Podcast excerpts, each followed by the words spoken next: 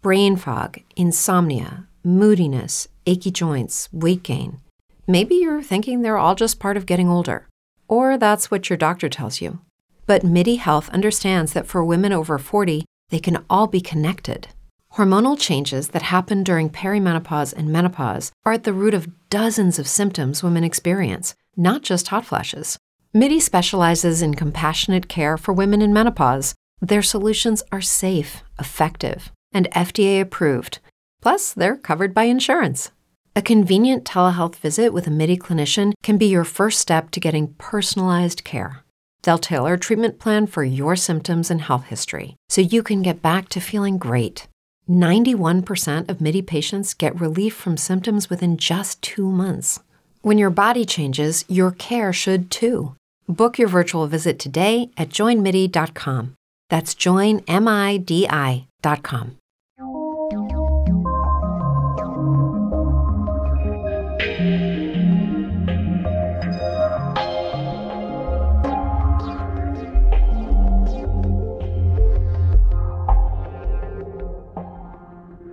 Ja, welkom allemaal bij de 13 Now podcast. Welkom allereerst aan Joost, Joost van de Heuvel Reinders. Hij is mijn uh, sparringpartner. We gaan uh, samen een aantal uh, soort keukentafelgesprekken voeren over boeddhisme in het dagelijks leven. Dat was het idee, toch Joost? ja, ja, dat is inderdaad het idee. En ja, welkom. jij ook, Evelien. Dank Mooi je wel. om het zo, zo samen te doen ja, we gaan samen ons buigen over dat boeddhisme in het dagelijks leven. Eigenlijk een heel belangrijk onderwerp. Hè? Die boeddhistische leer, 2600 jaar oud, maar nog steeds super actueel. Ook voor onze levens. En daar gaan we ja, allerlei onderwerpen uitlichten en um, ja, het vergrootglas opleggen. Kijken hoe dat speelt in jouw leven. Ja, wat kunnen mensen die hier naar luisteren eigenlijk nog meer verwachten van ons? Ja, wat kunnen ze nog meer verwachten? Nou, het is heel mooi wat jij zegt. Hè? Dus dat we inderdaad over het boeddhisme. Eh, als je daarover al kan spreken, over het boeddhisme. Misschien zou dat ook een leuke uh, aflevering kunnen gaan worden. Wat is ja. dat eigenlijk? Het boeddhisme. Uh, er zijn zoveel verschillende vormen en stromingen. maar ik denk dat wij beide wel de insteek hebben dat het boeddhisme met name ook een praktische tool met zich mee kan brengen. Wat we ook hier in het leven, hier in het Westen, um, kunnen gebruiken. Uh, die eeuwenoude leer en op welke manier kunnen we die uh, integreren in ons leven, hier in het Westen.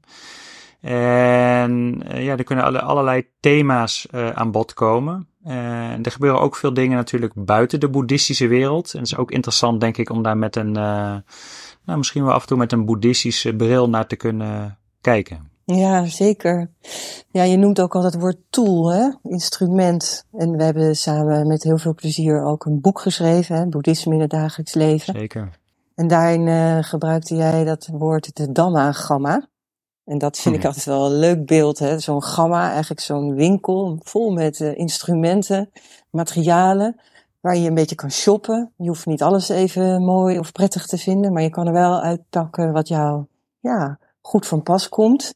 En waarmee je je eigen Dhamma in je leven wil vormgeven. Nou, in die Dhamma Gamma gaan we dan ook samen een beetje rondkijken en een beetje shoppen samen met de luisteraars. Ja, dat is mooi. En ik denk ook bij die metafoor van een, van een gamma hoor denk ik ook uh, dat we het ook een beetje zelf moeten vormgeven. Uh, dus we kunnen inderdaad shoppen, we kunnen ons laten inspireren, uh, verrijken ook door dingen te horen, dingen te lezen. Uh, maar uiteindelijk uh, zijn we zelf degene die uh, beslissen wat we met die tools gaan doen. En, Ja. en we moeten het ook zelf doen. Het is ook een, een doe-het-zelf winkel Ja. in die zin. dus ik denk ook wel dat dat de insteek van deze podcast is. we schrijven niets voor. We hoeven ook niet een bepaalde autoriteit te zijn. Het zijn inderdaad hele informele keukentafelgesprekken. Dingen Ja. die ons inspireren, maar we eigenlijk ook wel vermoeden dat dat ook uh, interessant en inspirerend kan zijn uh, voor degene die hier nu naar luisteren. Precies.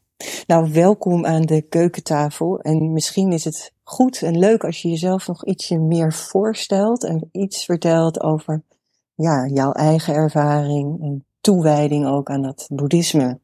Uh, mijn naam is Joost van den Heuvelrijners en uh, ik begeleid uh, met name Vipassana of inzichtmeditatie, uh, retraitres. Um, ik uh, geef meditatieles dus. Um, en ja, dat doe ik eigenlijk al jaren. Ik ben zo'n, ja, eigenlijk inmiddels al wel meer dan twintig jaar geleden ooit begonnen met meditatie, ook met yoga. Uh, en het heeft me onder andere ook een uh, langdurig verblijf, uh, een driejarig verblijf in Myanmar, Burma, gebracht. En heb ik daar een, een driejarig kloosterleven geleid. Dat is wel opmerkelijk, hè? Als ik je even mag ja. onderbreken. Dat jij al zegt dat je al twintig jaar mee bezig bent, terwijl je zelf pas begin veertig bent. Dat is vrij ja. uitzonderlijk. Ja, ja, ik ben wel relatief jong begonnen, denk ik. En dat klopt. Het was in mijn studententijd. Uh, dat ik wat zoekende was naar, uh, nou, naar inspiratie. Laat ik dat nu maar zo omschrijven. Naar inspiratie, naar misschien ook wel zingeving, naar een bron. Ja, die iets, ja, waar ik iets meer rust zou kunnen vinden. Um, nou, daar is nog veel, er zijn heel veel andere dingen over te zeggen, maar misschien voor nu is dat het wel geweest, denk ik. Ja. Hij heeft uh, getrokken ook naar de meditatie. En ik denk wat, wat, wat bij velen gebeurt hier in het Westen, dat ze geïnteresseerd zijn in de meditatie en dan ontdekken van, oh, maar uh, die meditatie die staat niet helemaal los. Hè? Er, hangt ja. eigenlijk nog iets omheen. Um, en dat is dan uh, bijvoorbeeld het boeddhisme. En dus op die manier, eigenlijk via die insteek. Eh, eerst de meditatie. ik uh, merkte dat, ik, uh, dat, dat dat voor mij inspirerend was. op die manier ben ik ook wat meer het boeddhisme gaan verkennen. en natuurlijk ook doordat ik drie jaar in een boeddhistisch klooster heb gewoond, heb ik daar ook veel van meegekregen. Ja. Sinds ik weer in Nederland ben, en dat is inmiddels ook al sinds 2005 uh, ja, begeleid ik dus uh, op verschillende plekken. Ik geef lezingen, ik begeleid uh, weekenden, meditatieweekenden, weken. En ik heb ook in Enschede een sangha waar we wekelijks ook bij elkaar komen. Nou volgens, mij, nou, volgens mij, Joost, vergeet je wel een heel belangrijk ding nog. Want je bent ook geschiedenisleraar. Je staat gewoon drie dagen per week met je beide benen in het dagelijks leven, met je voeten in het bluswater, les te geven aan, aan pubers, aan middelbare ja, scholieren. Ja, Het is ook een geweldige manier natuurlijk om dat boeddhisme mee te nemen in de praktijk. Ja, en ik, ik, denk dat ik mezelf ook zo zou uh, omschrijven als een vrij nuchter iemand. Uh, die eigenlijk een heel gewoon leven leidt. Uh, met inderdaad als geschiedenisleraar en, en ook een gezinsleven. Uh, ik zeg ook als een beetje met een knipoog en met een seizoenkaart van FC Twente. dus ik ben niet heel veel anders als de andere mensen, integendeel. Um, maar ondertussen ben ik wel geïnspireerd uh, door de meditatie. En ik vind het ook een uitdaging om, om dat toch weer dagelijks um, ja, mee bezig te zijn. En te kijken hoe kan ik boeddhistische waarden en ook de dagelijkse praktijk van het opmerkzaam zijn. Hoe kan ik dat integreren in mijn dagelijks leven? Ja. En waarom ja. nu uh, in een podcast? Nou, ik, een podcast, ik denk dat dat een beetje bij deze tijd hoort. Uh, misschien dat het over tien jaar of vijftien jaar dat er weer iets heel anders is. Uh, maar ik, ik hoop eigenlijk dat we op deze manier, uh, nou, dat het een heel toegankelijk medium uh, is. En, en ja, waar veel mensen graag naar zullen gaan luisteren. Ja. Um, en, en ja, nogmaals, dat het op een hele informele manier toch uh, ja, inspirerend is voor mensen die hier naar luisteren. En, en, en wie ben jij eigenlijk, Eveline? Want ik ken jou natuurlijk wel, maar ja, de mensen die hier naar luisteren, zou je zelf kunnen willen introduceren? Ja, ik ben eigenlijk met het boeddhisme in aanraking gekomen een jaar of twaalf, dertien geleden. Uh, op een manier die voor heel veel mensen geldt, denk ik. Want er was een soort lijden in mijn leven lijden is niet zo leuk, maar het is vaak ook wel een motivatie hè, om op zoek te gaan. Ja. En om iets te doen, uh, te zoeken van ja, hoe ga ik hiermee om? Uh, wat zijn eigenlijk de antwoorden misschien die ik kan vinden? En het boeddhisme, dat uh, sloeg eigenlijk wel heel erg aan. Ik ben dat gaan beoefenen in Den Haag, in het boeddhistisch centrum ja. Haaglanden. Ik merkte meteen dat het me heel veel bracht. Het gaf me heel veel inzichten en ook die tools waar we het al eerder over hadden. Hoe ga je nou eigenlijk om met dat lijden? Daar was ik helemaal niet ook mee opgevoed om daarover na te denken, over te mm. praten. En uh, ben eigenlijk meteen vrij serieus ingedoken. En toen merkte ik hoeveel het me bracht. En kreeg ik ook steeds meer het verlangen om daar wat mee te doen in mijn werk. Okay. ik had uh, voor die tijd altijd gewerkt als journalist. Een jaar of twintig bij kranten. Het laatste acht jaar bij Dagblad Trouw. Uh, superleuke baan en echt heel mooi, maar ook heel belastend. Stressvol. En ik ben naast die journalistiek uh, steeds meer gaan doen met dat mediteren en kwam toen op de mindfulness trainingen uit. Ik dacht, hé, hey, op die manier zou je dat ook gewoon aan andere mensen kunnen overdragen. Ja. En toen ben ik de opleiding tot mindfulness trainer gaan doen. En uh, ben ik steeds meer gaan leren van nou, hoe ga je dat mediteren. En al die mooie inzichten die daar ook bij horen, die hele mindfulness filosofie. Hoe ga je dat nou overbrengen aan anderen? En dat is eigenlijk nu mijn werk geworden.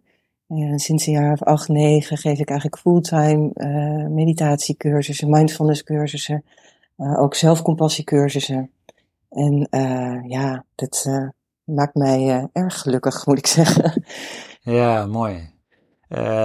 ook voor jou is het ook nog steeds wel volgens mij ja, kijken en, en op een praktische wijze ook met het boeddhisme bezig zijn. Ja, zeker. Ja, ik heb ook een gezin met twee kinderen en ik merk dat het me daar ook heel erg helpt om mezelf te observeren, om uh, ja, de juiste spraak proberen te beoefenen. Hè. Dat is natuurlijk een van de belangrijke factoren van het uh, achtvoudige pad in het boeddhisme.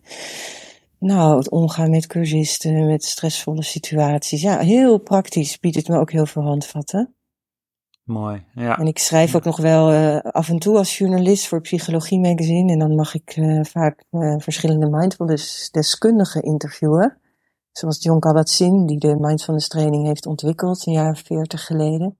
Nou ja, het zijn natuurlijk geweldige kansen om en ja. mijn oude vak en mijn fijne nieuwe vak een beetje te kunnen combineren. Ja, mooi. Mooi. En dan natuurlijk ons boek, waarin we ja. drie jaar geleden samen ja. hebben geprobeerd hè, dat allemaal uh, ja, samen te brengen. Wat hebben wij hierover te zeggen?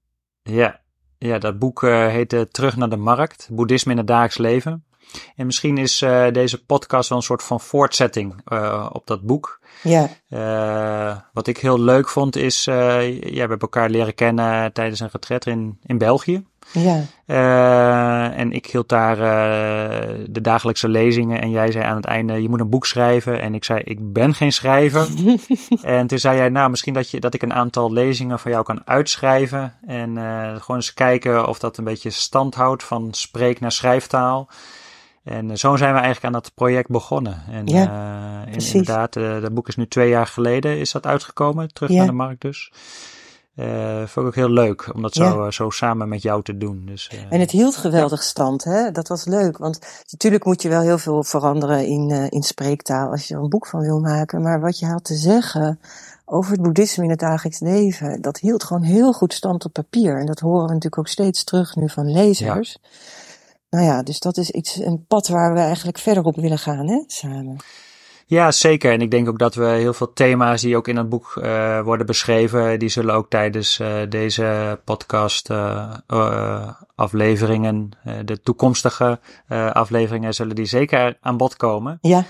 dus het zal zeker af en toe raakvlakken hebben. Dat ja. kan niet anders, denk ik. Ja, leuk. Maar wat nieuw was voor ons, was dat we kort geleden met een groep, een hele leuke groep mensen, een hele leuke begeleidster ook, in Nepal zijn geweest. Ja, fantastisch. Ja. En dat is misschien wel leuk als eerste onderwerp voor deze podcast. Kijken naar Nepal en nou, die totaal andere wereld daar. Dan liepen we zo rond. Wat, wat is je opgevallen? Nou, voor, ja, kijk, voor mij uh, was dat sowieso weer een soort uh, terugkeer naar, naar Azië. Uh, mijn leven ziet er nu heel anders uit. Hè. Maar in 2005 uh, ben ik daar weggegaan. Na drie jaar dus uh, met name in Burma. Maar ik heb ook veel gereisd. En ik heb ook een lange retraite in uh, Nepal gedaan. In het zuiden van Nepal. En dus het was voor mij ook al heel fijn om daar gewoon weer te zijn. En dat land te voelen. En weer contact te maken met, met Azië. En uh, ja, wat voor mij gewoon uh, een, een, hele inspirerende plek is. ik denk dat velen ja, die plek ook wel kennen. Misschien ben je er wel eens geweest of misschien dat je het ook wel kent van, van de plaatjes. Maar de Bodenat Stupa, hè, dat is een grote witte stupa. en en ja, het, ja, het is deels rond en er staat ook een soort ja, torentje op, zo, noem ik het maar even. Ja. Met twee van die mooie ogen. En uh, ja, die stupa die staat in een Tibetaanse buurt. Dus uh, wat je daar voelt is eigenlijk het uh, Tibetaanse boeddhisme. dus ja, je ziet daar van s ochtends vroeg tot s avonds. er zijn monniken, er zijn nonnen in mooie bordeauxrode gewaden. Mensen lopen om de stupa heen. als een vorm van bidden, als een vorm van even weer afstemmen op het boeddhisme, denk ik. En, en op, op de waarden die in het boeddhisme uh, een, een, een grote rol spelen. En ondertussen ook veel mensen, ook veel Tibetanen die daar in de buurt wonen, maar misschien geen monnik of non zijn, maar ja, jong en oud. En iedereen komt samen en het is daar heel vredig, heel fijn om daar te lopen. Uh, dus ja, dat is echt wel een van de dingen die er voor mij als eerste uit, uh, uit uh, sprak, zeg maar. Ja, dat was heel Ja. fijn om daar weer te zijn. Ja. Ik heb je gezien, je hebt mij niet gezien. Ja. Want uh, hè, deze stupa die staat uh, in het hartje Kathmandu, inderdaad in die wijk, die uh, Tibetaanse wijk. En op een avond zat ik in een restaurantje hoog op een soort dakterras. En ik keek naar die geweldige stupa en nou, de zon zakte langzaam. En het werd langzaam wat donkerder. En toen zag ik jou lopen om die stupa heen met zo'n hele vredige glimlach op je gezicht met die, al die mensen. En je liep maar rondjes en rondjes.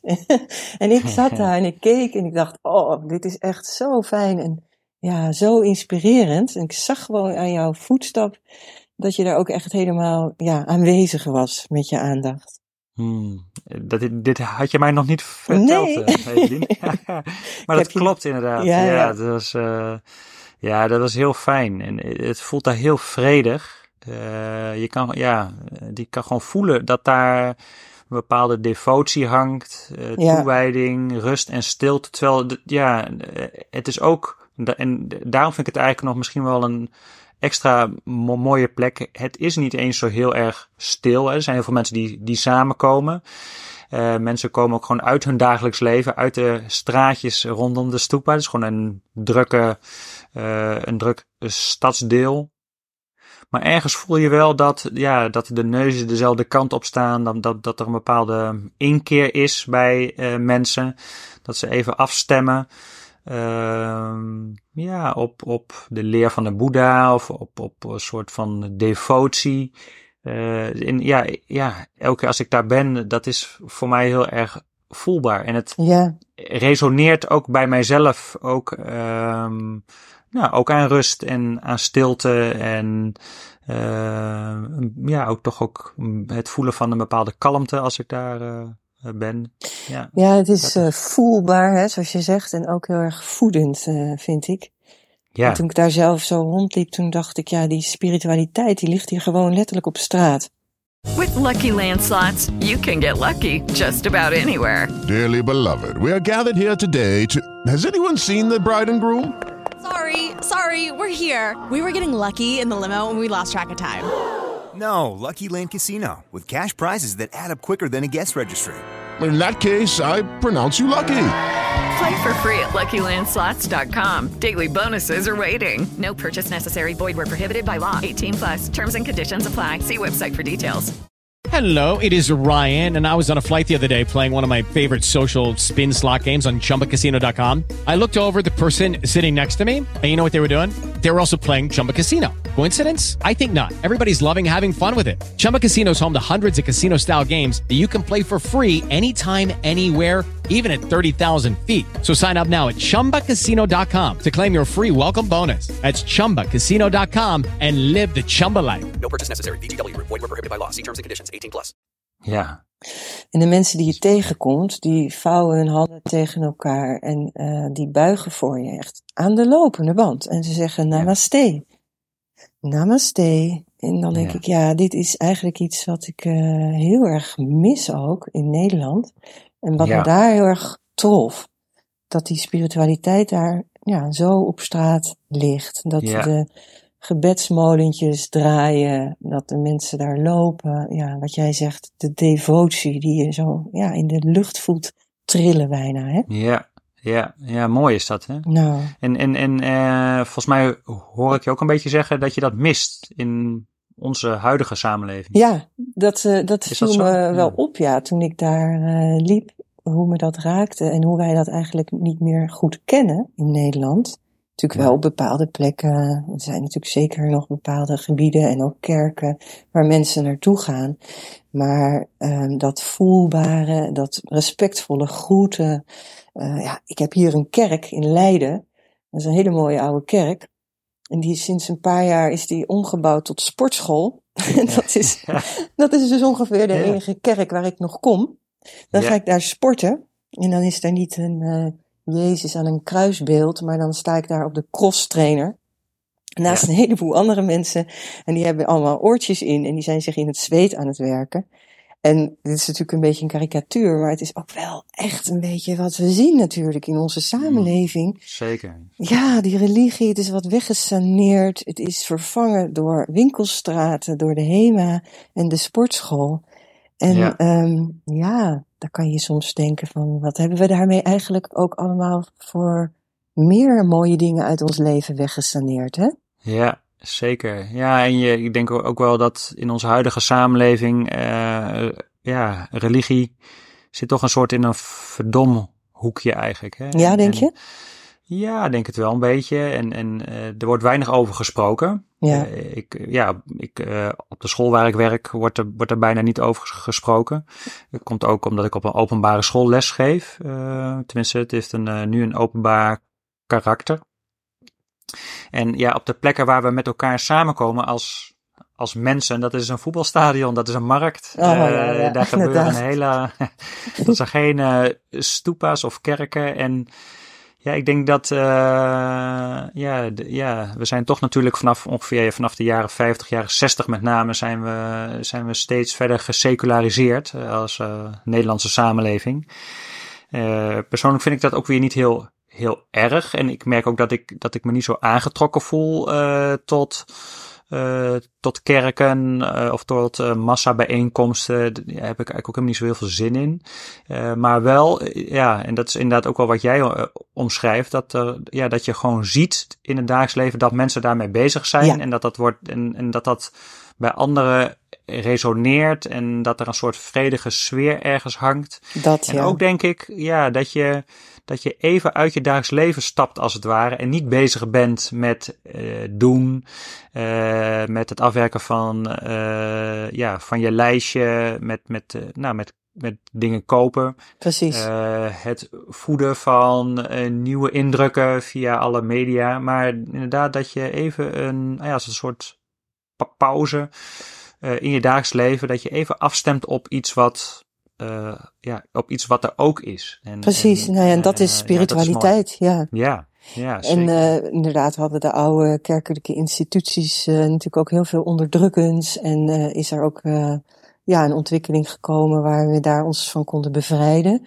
Maar Ja. ja. we zouden wel weer ook misschien een soort nieuwe middenweg willen vinden. Hè? ja, zeker. Ja, ja, klopt. Ja, we hadden het in Nepal ook nog over van eh, dat boeddhisme. Dat is allemaal mooi en aardig. Maar was een van de deelnemers die eh, aan jou of aan ons vroeg van... Wat is dat dan eigenlijk, een boeddhist? Dus dat is Ja. eigenlijk wel een leuke vraag.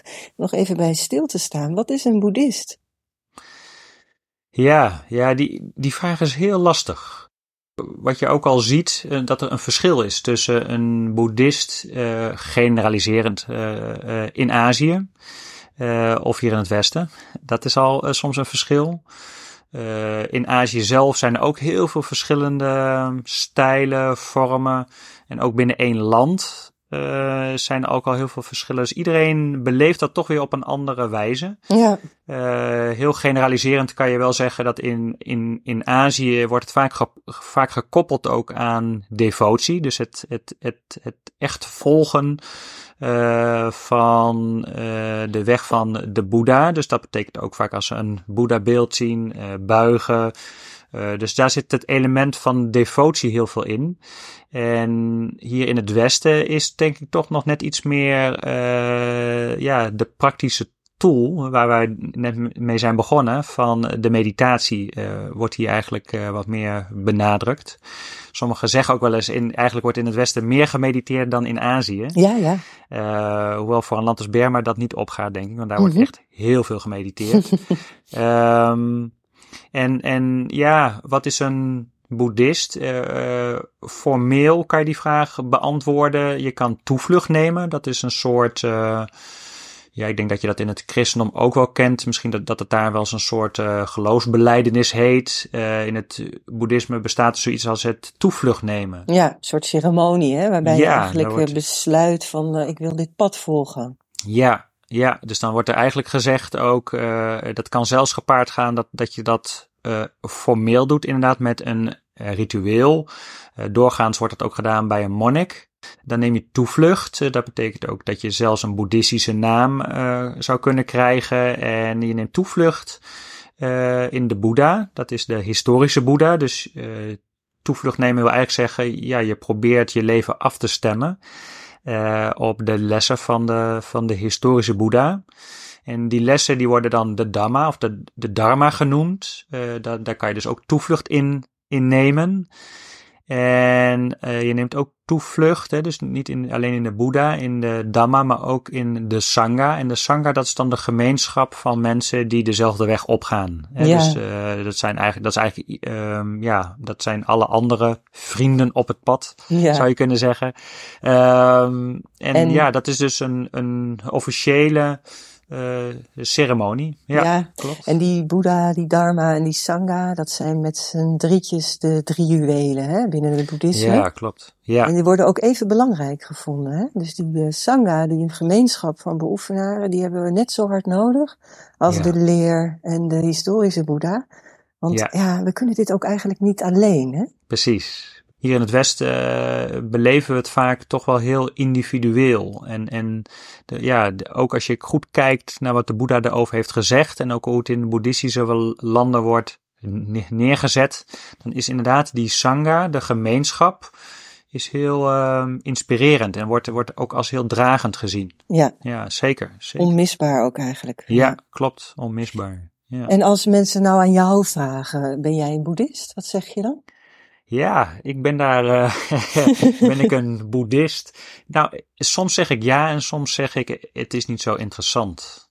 Uh, soms zeg ik ja omdat het ook iets uitdrukt. Hè. Het, het, drukt ook iets uit waar ik mijn inspiratie vandaan haal, waar ik uh, naast alle bezigheden die ik net als iedereen ook, ook heb op een dag, uh, toch weer even afstem. Uh, met de meditatie, met mindfulness, met aandacht, maar ook op de waarden die in het boeddhisme uh, centraal staan. dat vind ik heel inspirerend. En dus in die zin ben ik, ja, ik zie mezelf als een soort volgeling, iemand die het pad beloopt.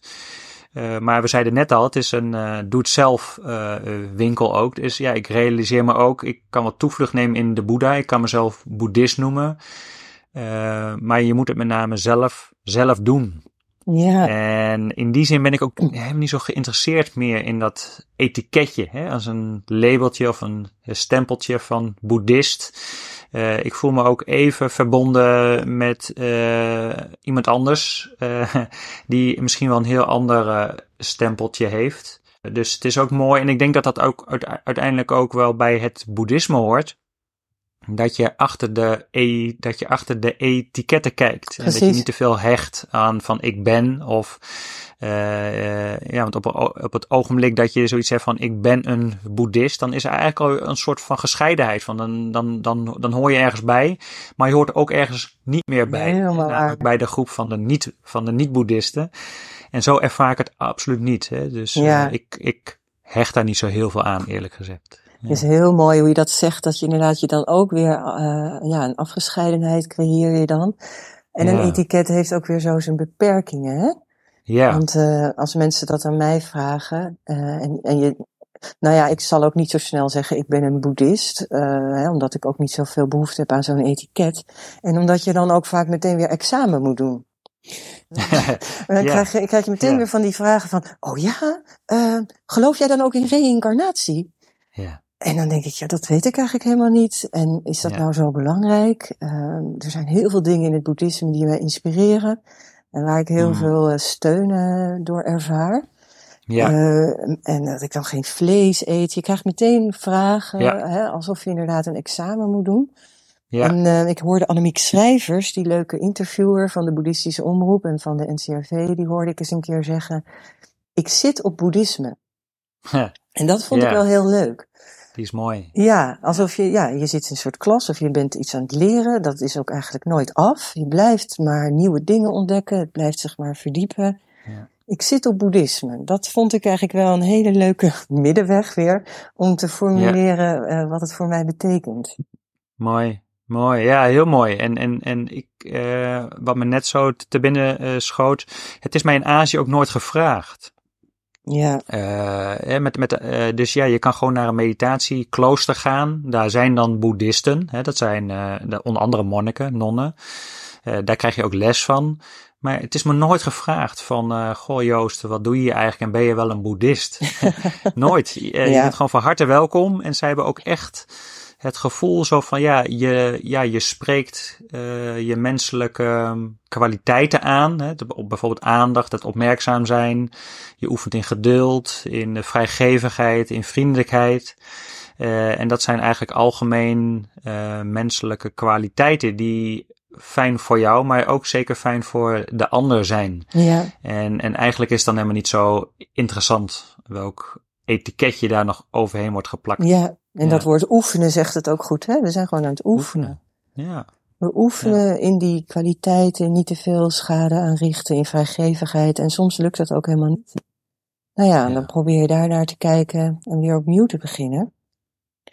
En er is ook een heel mooi boek, The Road Home, van een schrijver wiens naam ik nooit goed kan uitspreken, volgens mij. Hij heet, Ja. geloof ik, Ethan of Ethan Nichtern. Het is een hele jonge Amerikaanse boeddhist. En The Road Home is vertaald in het Nederlands als naar huis. En Mhm. hij schrijft daarin dat hij ook die vraag vaak krijgt, van of hij dan een boeddhist is. ja, En hij antwoordt dan heel mooi in dat boek van ja, eigenlijk moet het nergens uit blijken. Eh, dus ga, niet, Ja. ga vooral niet allerlei uiterlijke kenmerken om je hals hangen, boeddhistisch beeldje. Je hoeft je haar niet af te scheren, je hoeft niet bepaalde kleding te dragen. Dat is eigenlijk allemaal helemaal niet interessant. Laat het maar blijken uit je gedrag. Hè, Mooi, probeer maar ja. vriendelijk te zijn. Probeer maar vriendelijk te zijn voor je buurman. En eh, zo min mogelijk schade aan te richten. En natuurlijk richten we schade aan. Hè? Alleen al door hier te leven richten we schade aan. Maar we kunnen kijken of we daar ja, ook weer in kunnen oefenen. Om niet te veel vlees te eten, om eh, de waarheid te spreken. En nou, dat sprak mij heel erg aan. Dan laat het nou maar Mooi. verder niet ergens uit blijken, maar kijk maar naar je gedrag. mooi, mooi. Ja, mooi. En dat sluit ook natuurlijk ook wel aan, is dat zelfs in een boeddhistisch land als eh, Burma, hè, daar wordt natuurlijk ook, daar is ook bijvoorbeeld eh, religieus geweld, als Ja. het dan een goede, eh, ja, als dat eigenlijk ook al, al, al, al kan. Hè. Maar wat je daar wel ziet is dat mensen zich identificeren met hun boeddhist eh, zijn. Eh, en je hebt daar natuurlijk ook een eh, grote moslimminderheid. Eh en daar zijn vreselijke dingen aan de gang. Ik kan bijna niet. Ja, ik vind het heel lastig om daar naar te kijken of om dat ook vanuit hier te volgen. Ja, Uh, maar het zou veel mooier zijn inderdaad als we uh, achter die etiketten kijken. En, en inderdaad, dan gaat het inderdaad, hoe ga je om met de buurman? Wat kan je opbrengen als het leven tegenzit? Uh, kan je opmerkzaam zijn van je reacties? Ja, dat is uiteindelijk denk ik ook de kern waar het, waar het boeddhisme dan over zou kunnen gaan. Ja. ja. wat een goed en pijnlijk voorbeeld inderdaad, waar die etiketten dan ook in het boeddhisme weer toe kunnen ja. leiden. Hè? Ja, ja, ja, dus die boeddhistische wereld is, uh, die is ook zeker niet heilig. Uh, eigenlijk wat alles uh, buiten de boeddhistische wereld gebeurt, dat gebeurt ook in de boeddhistische wereld. Precies. Dus dat maakt ons denk ik ook heel nederig en, en dat etiketje maakt, ja, we kunnen geen aanspraak ergens op maken. Het drukt misschien wel iets uit uh, waar je verwant mee voelt, waar voor jou de inspiratie ligt. En uh, ja, de weg die je wilt gaan. En, Precies. Uh, ja, dus in die zin kan me, me ook wel voorstellen dat het voor sommigen, uh, nou, misschien ook wel als, als een soort fase in je leven, uh, dat, ja, dat je het als het ware wel wat meer toe-eigent. Hè, van ik ben of ik voel of ik voel me verwant met het boeddhisme. Dat het ook wel weer iets moois kan uit, uit, uit, uitdrukken, inderdaad. Ja. zeker. Ja, inderdaad. Daar moet ik even aan denken. Dat ik me bijna verliefd voelde gewoon toen ik het net eh, leerde kennen. En de houvast die ik daar eh, heb ervaren. Ja. En, en, dat ik ook toen toevlucht wilde nemen. Omdat ik echt, ja, een soort huwelijk gewoon van, nou, dit is echt wat ik wil. Ja, en uh, ja, dat is dan ook wel weer heel ondersteunend. En op een gegeven moment wordt het wel weer wat gewoner. En wordt het meer deel van jezelf, hè? Ja, zeker, Hmm. zeker. En ik denk dat je er dan ook iets minder aan kleeft of Ja, minder aan hecht. precies. En, uh, misschien is dat ook wel gezond. Ja, Zeker. ja. Nou, we moeten langzaam gaan afronden. Onze eerste podcast. ja Eerste keer, maar niet de laatste. zeker niet. Als Nee, het nee. aan ons ligt. Wat wil je eigenlijk gaan doen de komende afleveringen? Wat, wat gaan we voor onderwerpen op de agenda zetten? Nou, ik bedacht me zojuist, hè, want uh, wat wel interessant is, vind ik, uh, het, het, gaat over meditatie, het gaat over boeddhisme, het gaat ook over mindfulness. En uh, ja, wat ik heel interessant vind, je ziet tegenwoordig mindfulness overal opduiken. Van, van zeilen, sportscholen, stoppen met roken, mindful afvallen. Er zitten hele mooie dingen aan, maar is het gewoon niet een hype, dat hele mindfulness Ja. gebeuren? Dus wat mij betreft Ja. gaan we het daarover hebben. Wat is mindfulness eigenlijk? Wat is de mindfulness training? En is het niet uh, een hype? Ja, dat is interessant. Ik kan er van uh, uit mijn vak als mindfulness trainer wel Ja, wat dingen over zeker, zeggen. ja. En uh, natuurlijk, natuurlijk ook wel bezorgd soms over die hype en ook wel weer blij mee. En het lijkt me ook heel leuk als jij vanuit het boeddhisme daar meer je licht over laat schijnen. Dus dat gaan we doen. Heel goed, ben benieuwd. Ja, Nou, ik hoop dat er weer veel mensen luisteren. Bedankt voor jouw aandacht, bedankt voor jullie aandacht. ja daar sluit ik mij bij aan. Tot de volgende keer. Lucky Land Casino asking people what's the weirdest place you've gotten lucky? Lucky? In line at the deli, I guess? Aha, in my dentist's office. More than once, actually. Do I have to say? Yes, you do. In the car before my kids' PTA meeting. Really? Yes. Excuse me, what's the weirdest place you've gotten lucky? I never win and tell. Well, there you have it. You can get lucky anywhere playing at LuckyLandSlots.com. Play for free right now. Are you feeling lucky? No purchase necessary. Void where prohibited by law. 18 plus. Terms and conditions apply. See website for details.